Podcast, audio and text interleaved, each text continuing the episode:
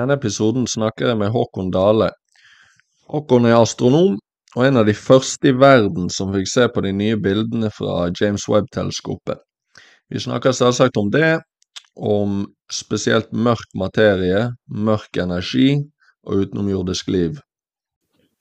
Håkon, James Webb-teleskopet, hvor spennende er det? Det er uh, fryktelig spennende. Det er uh, ja, mer enn 30 år siden sist gang et tilsvarende romteleskop ble skutt opp. Så med Hubble-teleskopet. Da var jeg så vidt begynt på universitetet. Og ja, nå er det da James Webb-teleskopet som blir skutt opp. Neste gang et tilsvarende teleskop blir skutt opp, er det kanskje om en ja, i hvert fall 20 år. Så det er liksom nå det er eh, sjansen å være med på eh, nybrottsarbeid, da. Eh, det at man kan plutselig få et innblikk i ja, deler av universet som man ikke har sett før. Det er spennende. Du ser rett og slett langt tilbake i tid? Ja, det gjør vi.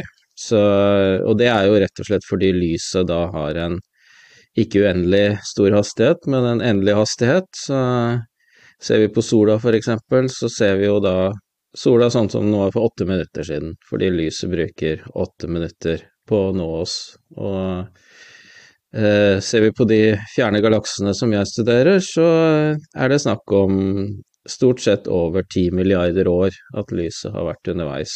Og eh, vi ser jo lenger og lenger tilbake til starten, da. Eh, nå regner vi at universet, eh, vårt beste anslag for hvor gammelt det er, er 13,8 milliarder år.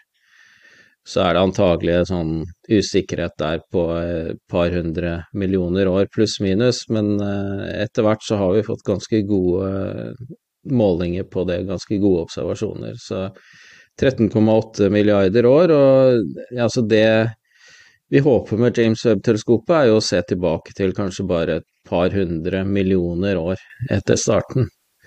Er, altså Sånn som jeg har forstått det, så vil vi aldri kunne se tilbake igjen til tidenes morgen. Hva er grunnen til det?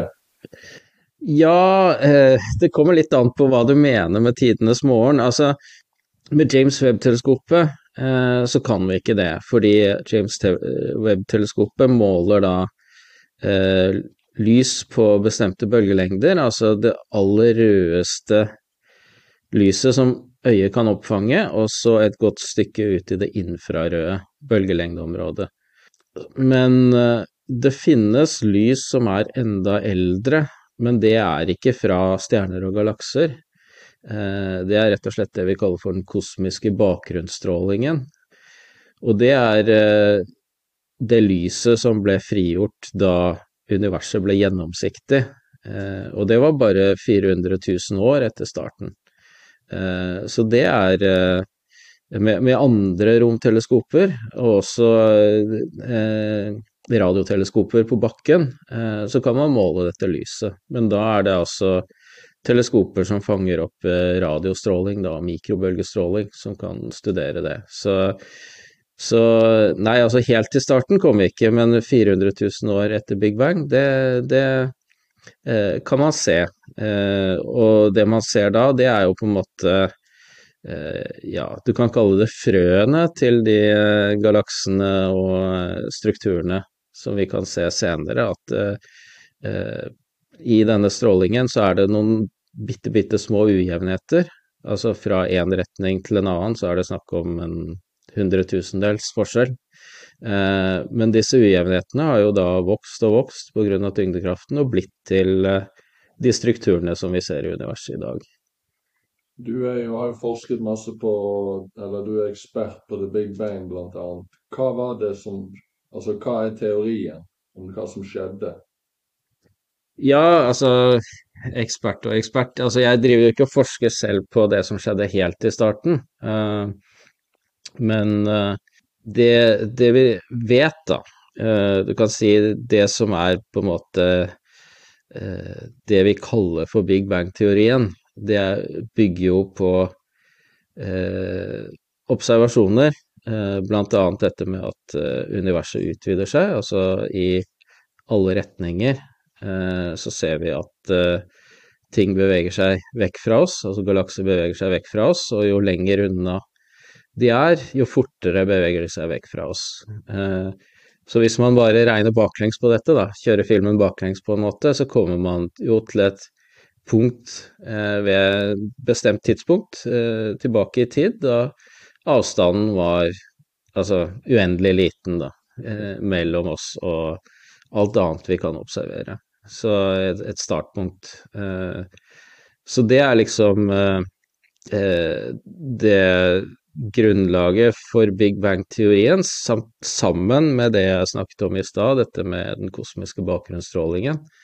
Fordi den forteller oss da at uh, universet i en tidlig fase var mye tettere og varmere, at det var ugjennomsiktig, uh, og at uh, den strålingen på grunn av at universet utvider seg, så, så forandrer også strålingen bølgelengde.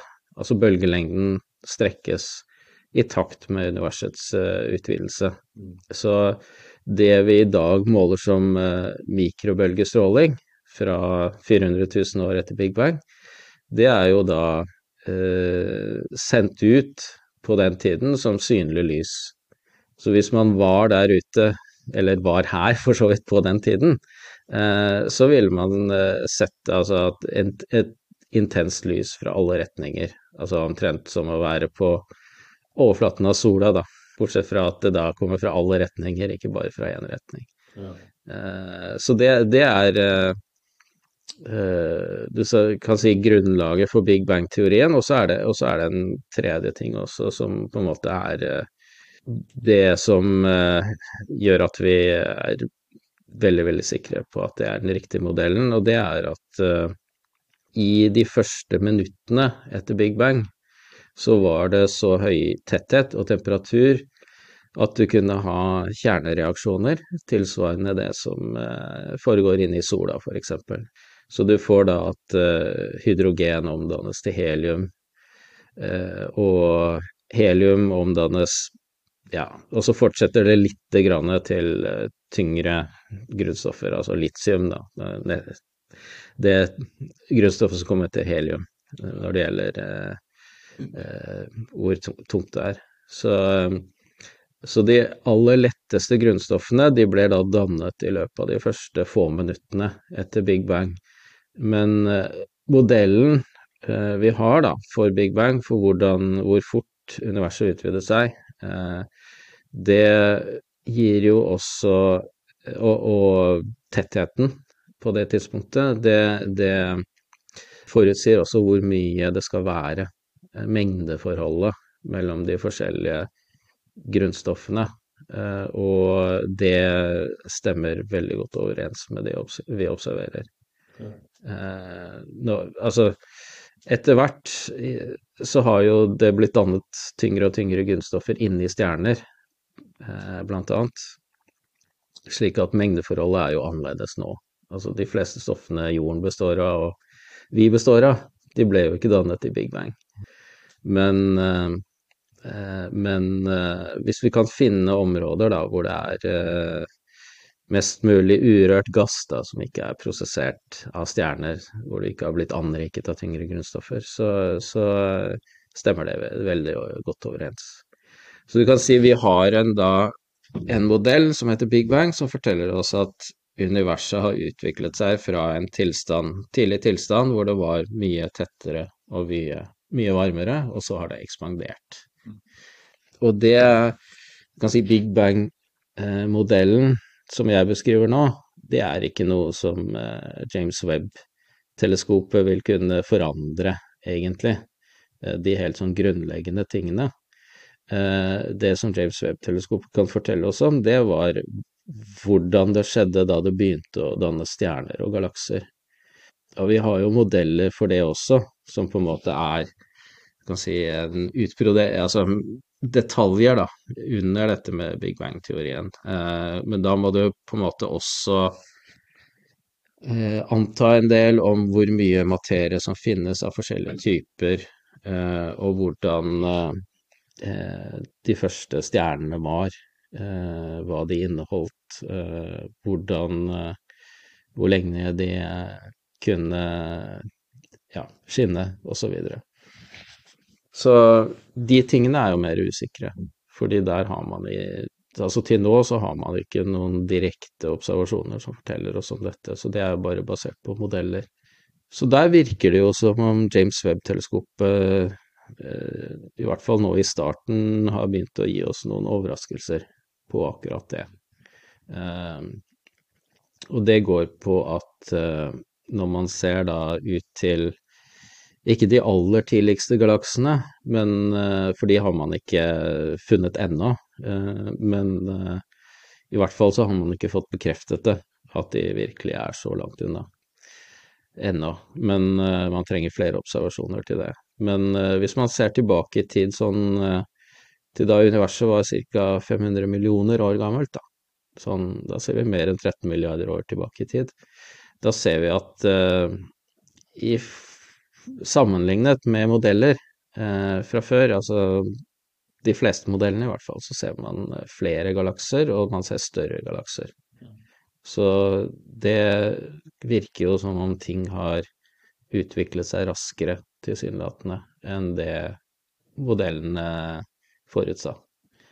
Jeg husker når de første bildene kom, så var det noe, jeg leste noen artikler om at her er, det bevis, eller, her er det bevis for at Big Bang ikke er den riktige teorien. Altså Er det noen andre teorier der ute som motsier The Big Bang?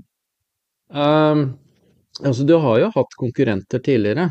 Uh, hvis du tar utgangspunkt da i Einsteins generelle relativitetsteori og bruker den til å beskrive universet som helhet, så har man mulighet for at universet utvikler seg på andre måter. Eh, du har sånn rent matematisk så kan du finne en løsning som er det vi kaller for steady state, da. At eh, universet Du kan si eh, eh, universet utvider seg, men så eh, istedenfor at du har eh, Du kan si en, en evolusjon, at ting endrer seg, så eh, er det hele tiden likt. Det eneste som skjer, er at du på en måte etter hvert som seg, universet utvider seg, så får du dannet på en eller annen måte, som ikke er forklart ordentlig, de som, eh, de som eh, har denne teorien, eller hadde denne teorien, det er at universets tetthet er konstant. Etter hvert som universet utvider seg, så blir det jo mindre tett, skulle man tro, men så har du da hele tiden dannelse av ny materie, slik at du har dette, dette er stabilt, da. Det endrer seg ikke med tiden. Så du har på en måte et slags evig eh, eksisterende univers som, eh, som eh, ikke sånn endrer sine statistiske egenskaper over tid. Um, og det som uh, Ja, det var flere typer observasjoner som slo i hjel den teorien, egentlig, på 1960-tallet. Uh, det viktigste var den oppdagelsen av den kosmiske bakgrunnsstrålingen, som uh, man ikke kan forklare, egentlig, ehm, på en god måte.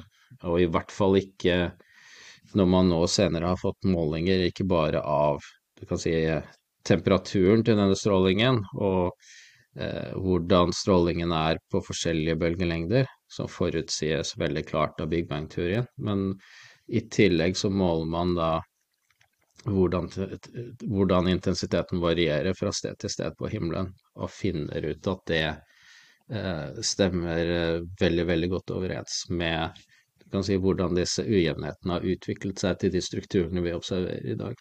Mm.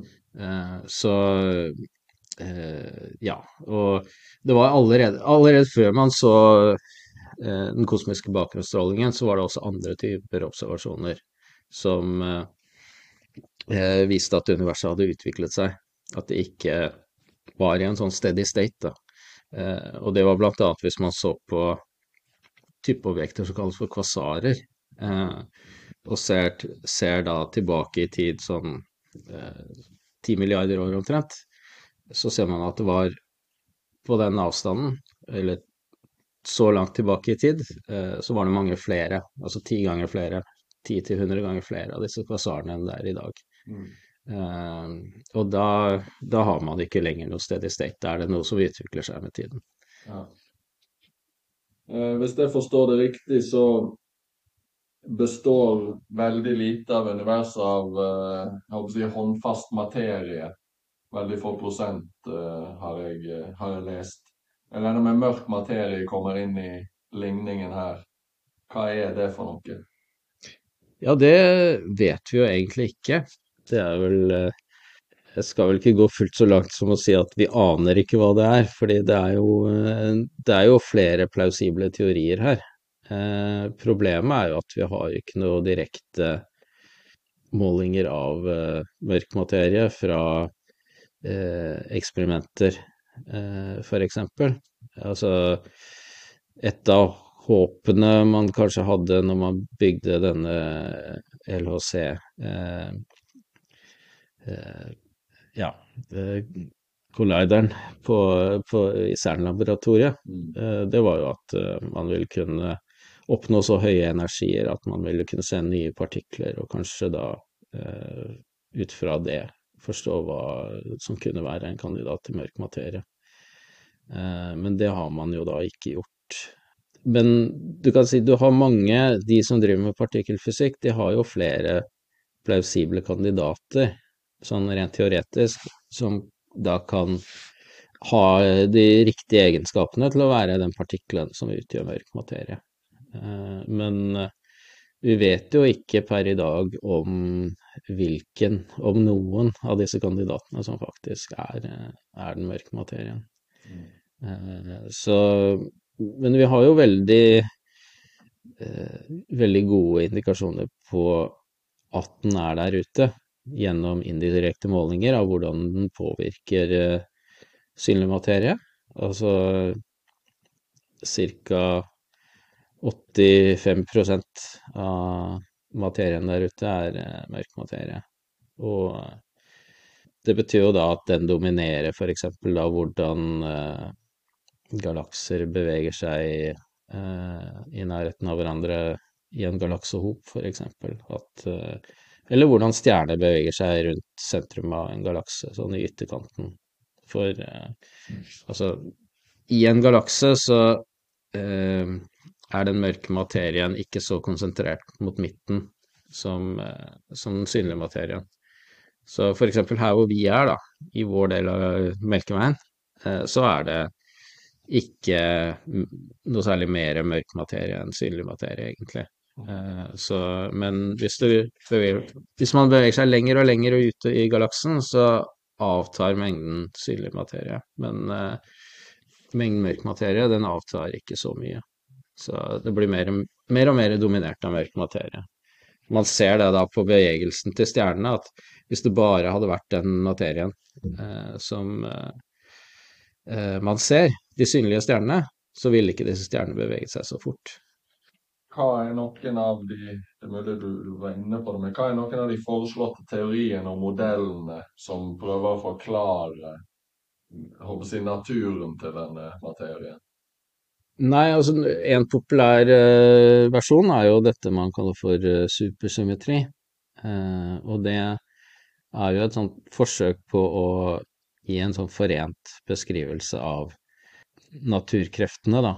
Altså elektromagnetisme og, og svak og sterk kjernekraft.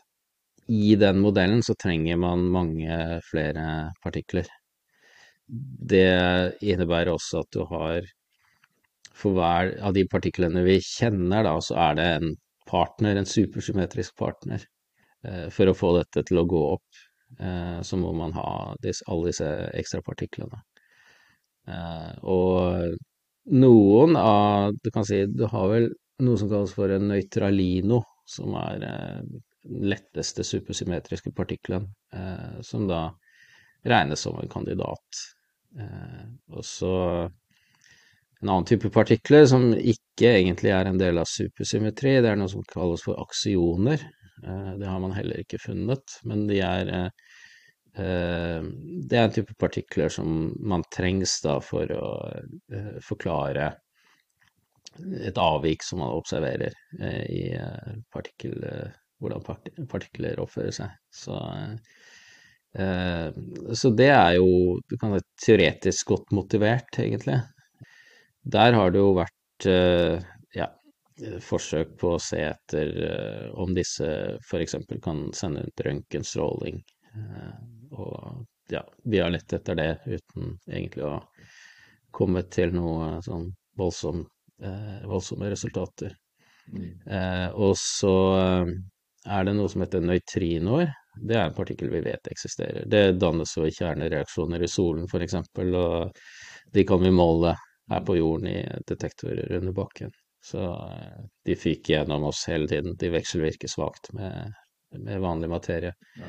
Eh, så det er tre nøytrinoarter eh, som vi kjenner eh, og har målt. Og så er det jo da teori som går på at det kan finnes flere nøytrinoarter som ikke eh, ja, ikke vekselvirker i noe særlig grad med de andre artene, da, som de kaller for eh, sterile nøytrinoer.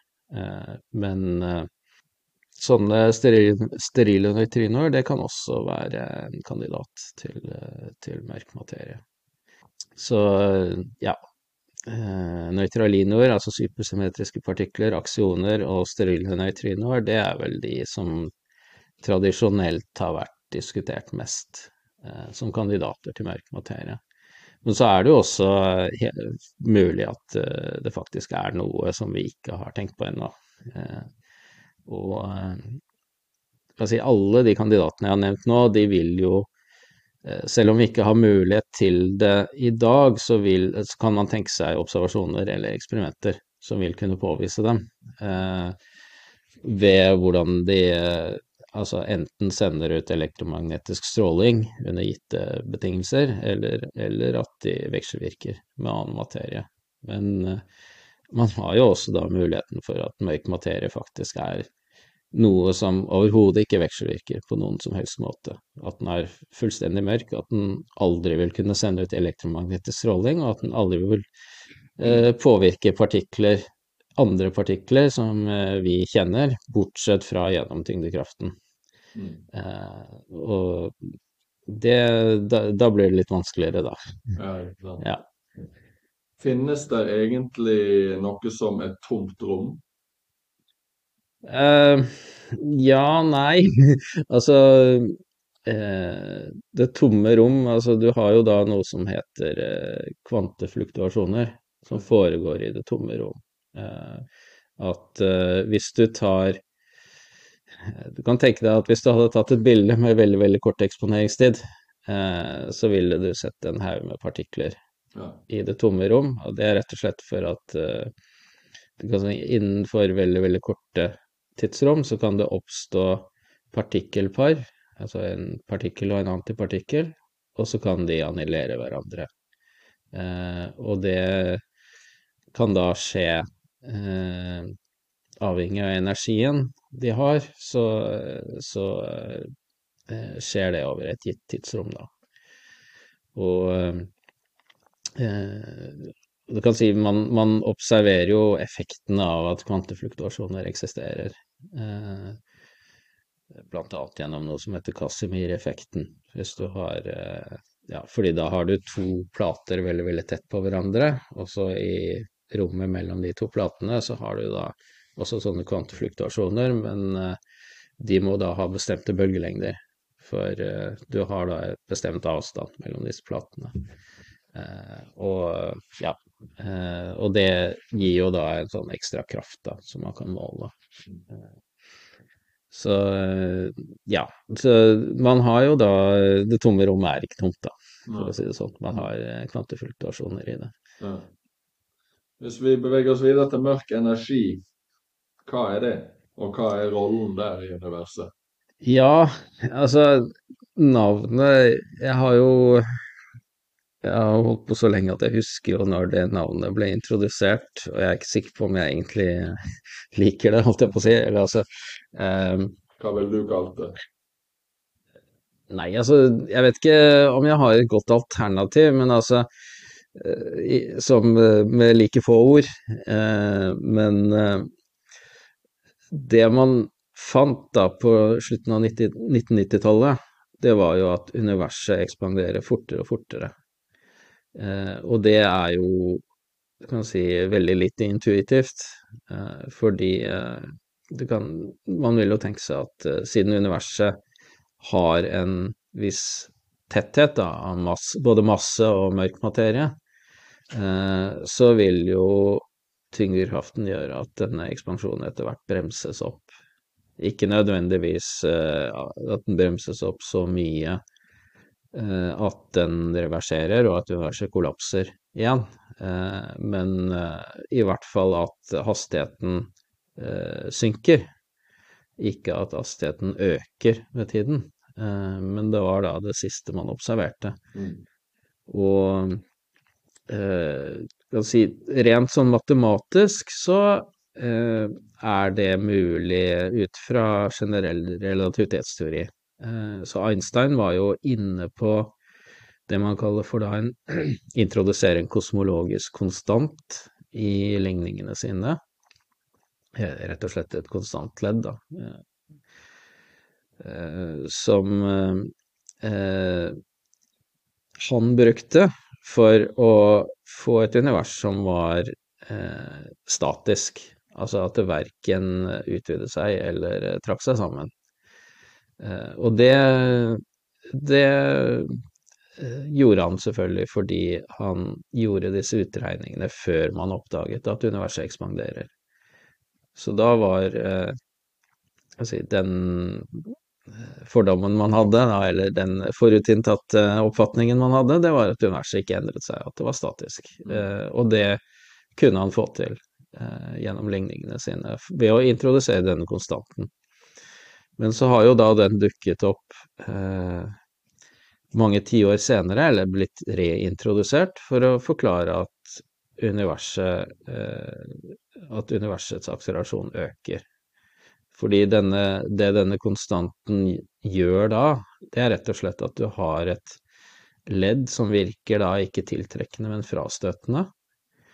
Eh, og at eh, si, når universet utvider seg, så er energitettheten konstant i denne energien. Så det betyr jo da at hvis du har et volum som du på en måte inneholder de samme galaksene, da, som på en måte utvider seg med universets ekspansjon, så vil jo den med tiden bli mer og mer dominert av Dette volumet blir mer og mer dominert av denne mørke vakuumsenergien, da. Mm.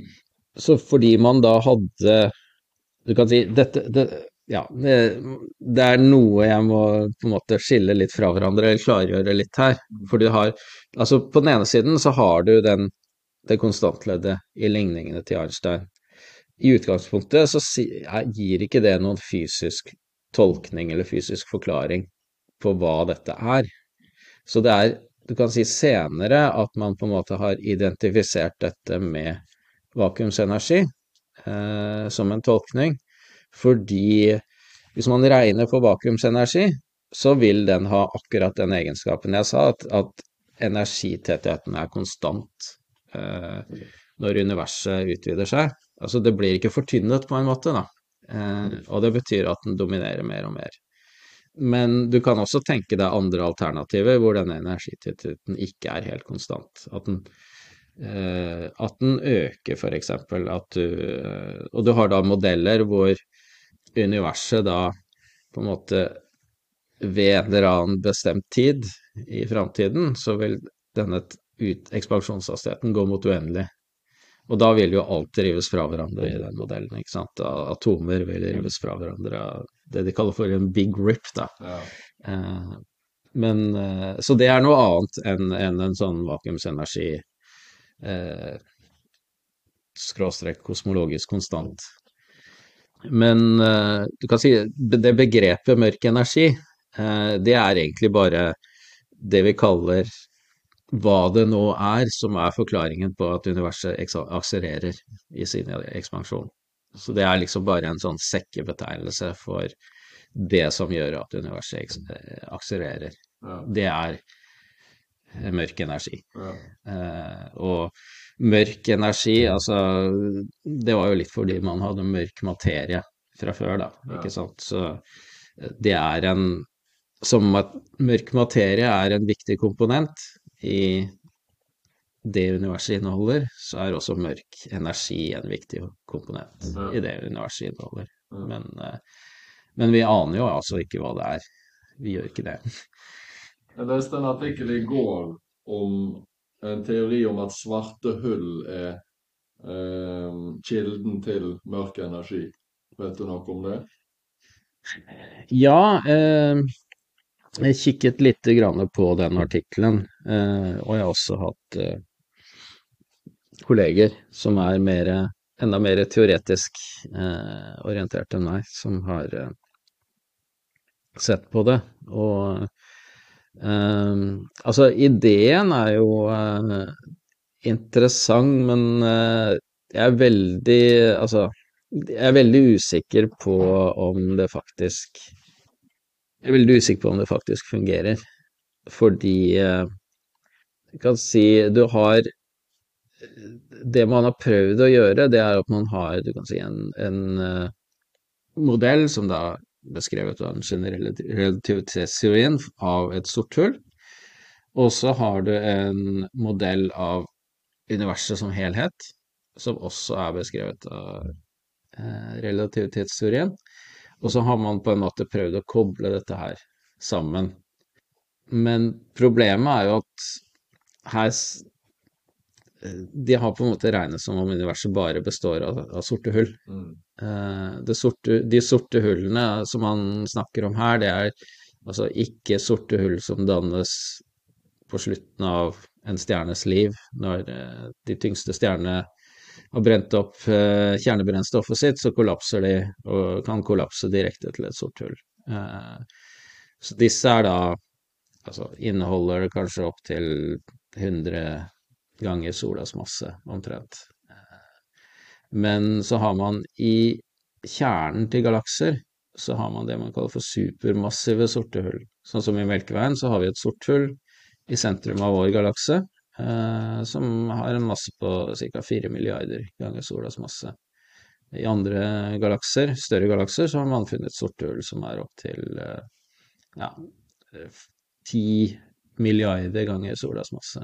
Og kanskje 40 milliarder tror jeg er den, eh, det høyeste tallet jeg har sett Ja. målt. Eh, Så de er jo, inneholder jo mye masse, men de har ikke eh, Altså, de utgjør likevel bare en ja, tusendel eller så av massen til galaksen.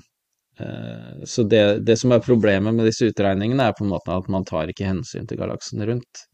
Eh, Man, hvis man kan hvis man kan gjøre det, så kan man kanskje si noe mer om, om eh, eh, det er noe, noe hold i dette her eller ikke, men, men jeg er ganske skeptisk både til si, teorien bak det, at, at eh, mørk materie Nei, mørk energi eh, kan skapes av sorte hull, og også de observasjonene de brukte for å eh, ja, støtte opp om, om dette. Mm. De tror jeg er ganske avhengig av de Skal vi si de Altså, de, de, det de mente å se, det var at man hadde sorte hull som hadde vokst uten at på en måte det hadde falt noe materie inn i dem. Og det er fryktelig vanskelig, fordi man ser jo ikke man ser jo ikke den prosessen. Man, bare, man prøver bare å sammenligne sorte hull fra 10 milliarder år tilbake i tid med sorte hull i dag, og prøve å finne de som da ikke skal ha vokst, og se om eh, og, og spørsmålet er jo da om man, om man sammenligner sorte hull i dag med de sorte hullene man observerer 10 milliarder år tilbake i tid. Sammenligner man epler og epler, eller er det epler og pærer man eh, sammenligner? Det er hellevel til det siste. Så. Ja. Jeg har tatt eh, introduksjonskurset til astronomi på Universitetet i Oslo. Jeg har tatt det faktisk to ganger. Og hovedgrunnen til at jeg gjorde det, var fordi at jeg eh, er fascinert av verdensrommet, og spesielt om det finnes liv andre plasser. Hva er det siste For å spørre sånn. Ja, eh, det er jo Det pågår jo leting på mange forskjellige måter. Det å direkte påvise liv, det er veldig, veldig krevende. Eh, altså, du har jo på en måte to to forskjellige framgangsmåter. Det ene er jo å lete i vårt eget solsystem. Og da handler det jo om steder uh, hvor man faktisk kan sende sonder og undersøke uh, om forholdene Om det kan finnes liv der, da. Så det er det ene. Og det andre er jo da observasjoner som man gjør av planeter rundt andre stjerner, og se om man finner eh, spor etter liv i de, ja, ved å, ved å observere atmosfæren f.eks. Til, til disse planetene. Så i dag så er man jo mer i den fasen at man kan kartlegge Altså, vi, vi får mer og mer informasjon om hvor betingelsene er til stede for liv. Altså, vi kan si noe om blant alle de planetene som man har funnet da, eh, rundt andre stjerner. Sånn per i dag så er det snakk om over 5300-5400 planeter mm. eh, har man funnet eh, per dags dato. Eksoplaneter. Ja, eksoplaneter. Planeter utenfor vårt eget solsystem.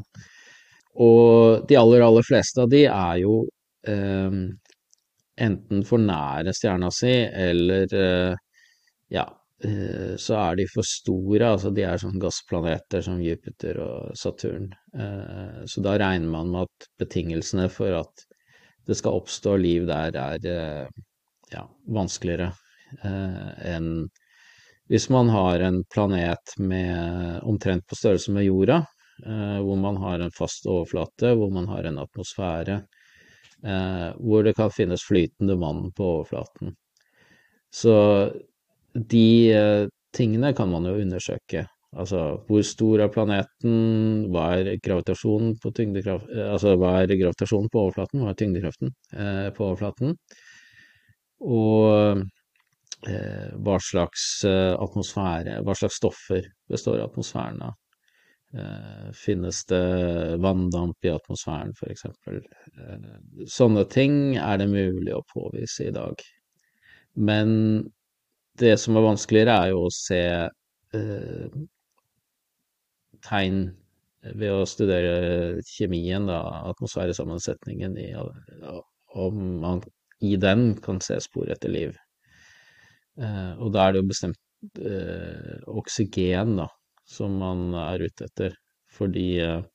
for eksempel på jorda, hvis alt liv hadde dødd ut, så ville det tatt ganske kort tid for oksygenet å forsvinne. Det må hele tiden opprettholdes av ny produksjon av oksygen gjennom eh, fotosyntese. Eh, så det er jo på en måte noe Hvis man, hvis man da ser vil kunne finne oksygen eh, i atmosfæren til en eksoplanet, så vil jo det hvor forholdene ellers ligger til rette for at det skal kunne eksistere liv, så, så er man jo kommet Da, da da er jo det veldig interessant.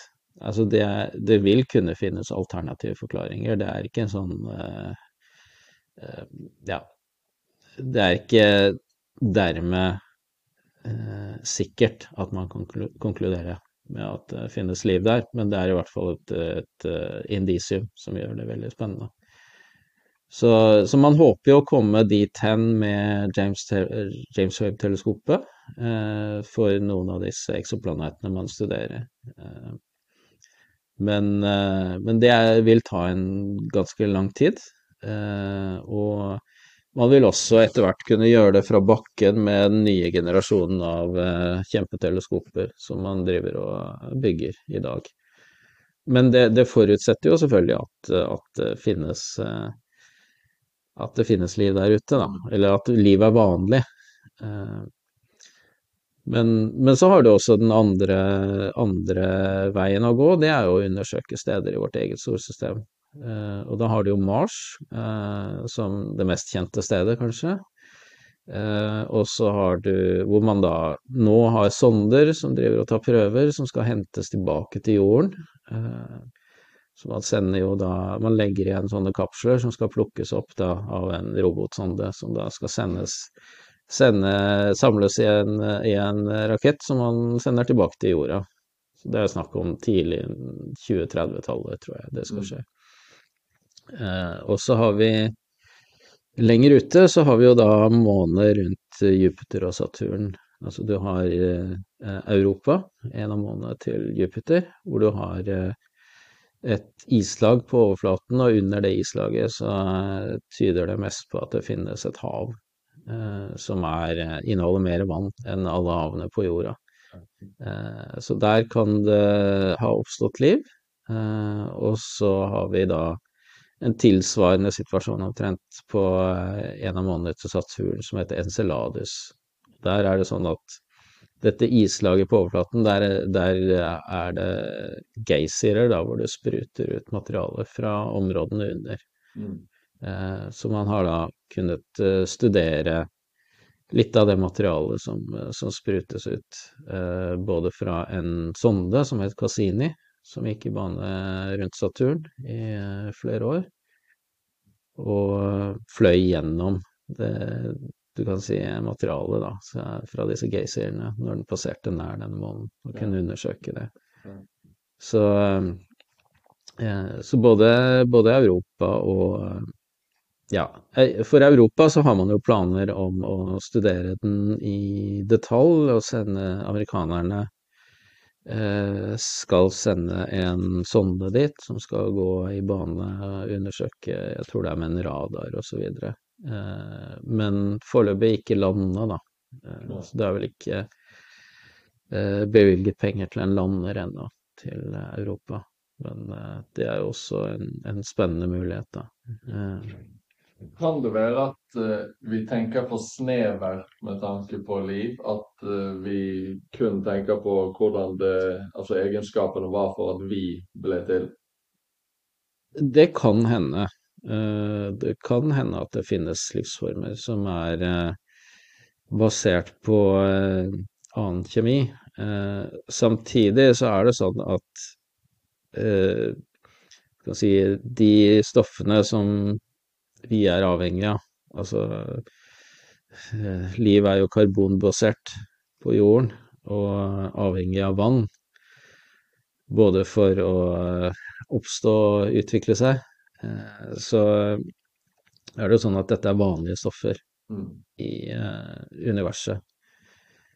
Og ja, selv med de nye dataene vi har fått fra James Webb-teleskopet, et av de prosjektene jeg har vært med på, så ser vi jo da ganske sånne komplekse karbonforbindelser der ute i en galakse når vi ser da ja, 12,4 milliarder år tilbake i tid. Ja. Så dette har jo eksistert lenge, eh, og det er eh, vanlig i universet. Så er det jo sånn at karbon har jo den kjemiske egenskapen at ja, det har lett for å forbinde seg med andre stoffer.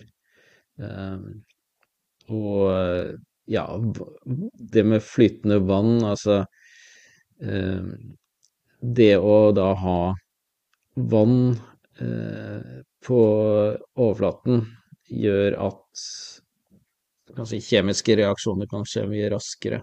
Fordi da skjer det i vann, som da er i bevegelse av ja, vind og tyngdekraft og alt som gjør at du får på en måte virvlet.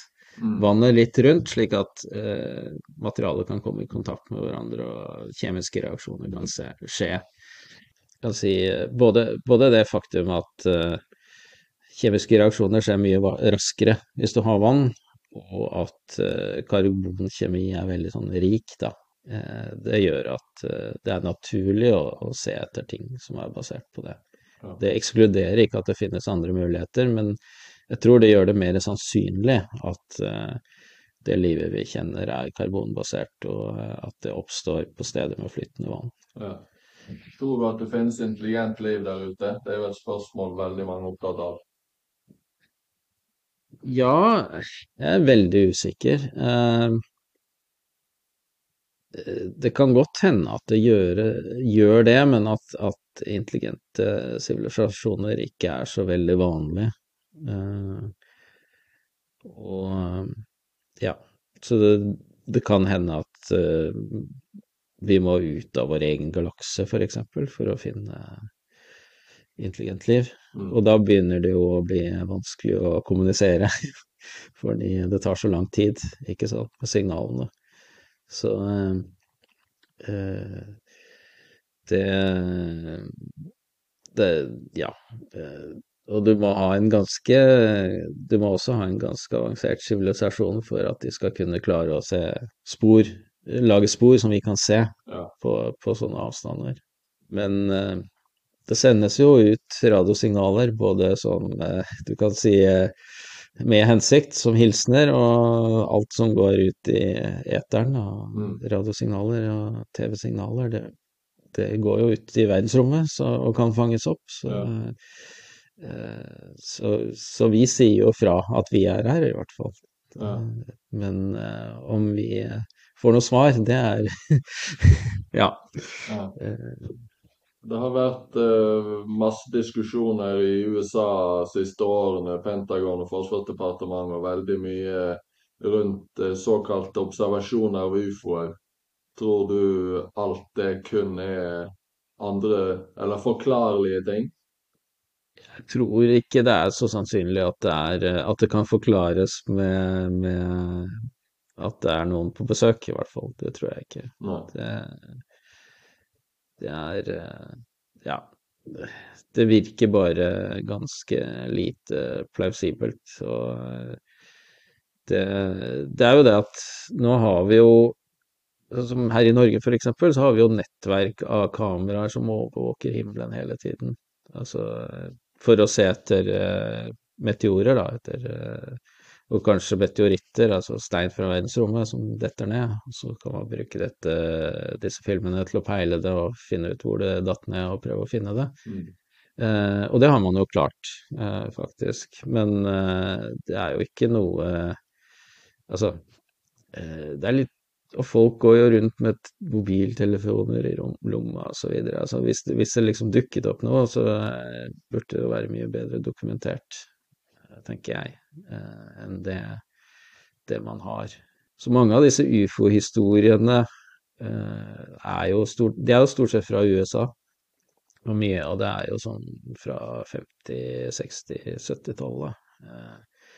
Hvor det også var en del si, oppmerksomhet og ja, ja Kanskje hysteri er vel et sterkt ord, men, men, eh, liksom eh, Man var jo veldig redd for eh, hva Sovjetunionen kunne finne på under den kalde krigen osv. Så, uh, så jeg vet ikke om si, fra, fra, det amerikanske forsvarets side så er det kanskje ikke så dumt å ha en befolkning som er veldig sånn obs på ting, eh, på himmelen, som de ser på himmelen. Mm.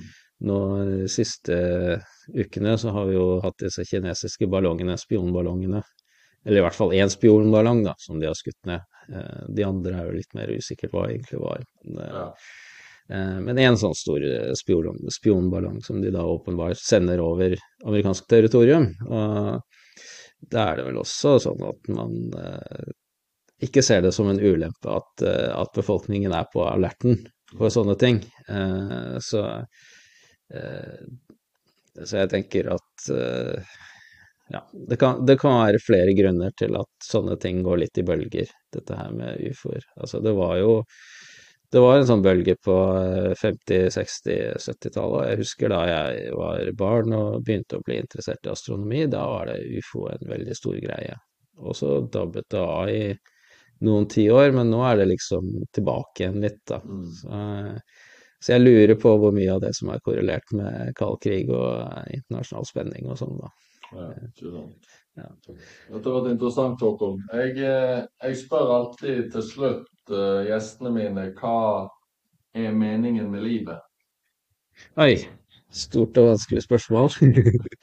Vet ikke om jeg kan gi noe lett og eh, enkel forklaring. Uh, nei, altså Det har vel en del av det har vel liksom med å eh, Altså gjøre ting og se litt Når man liksom eh, agerer som menneske og ser litt utenfor sin egen nesetipp.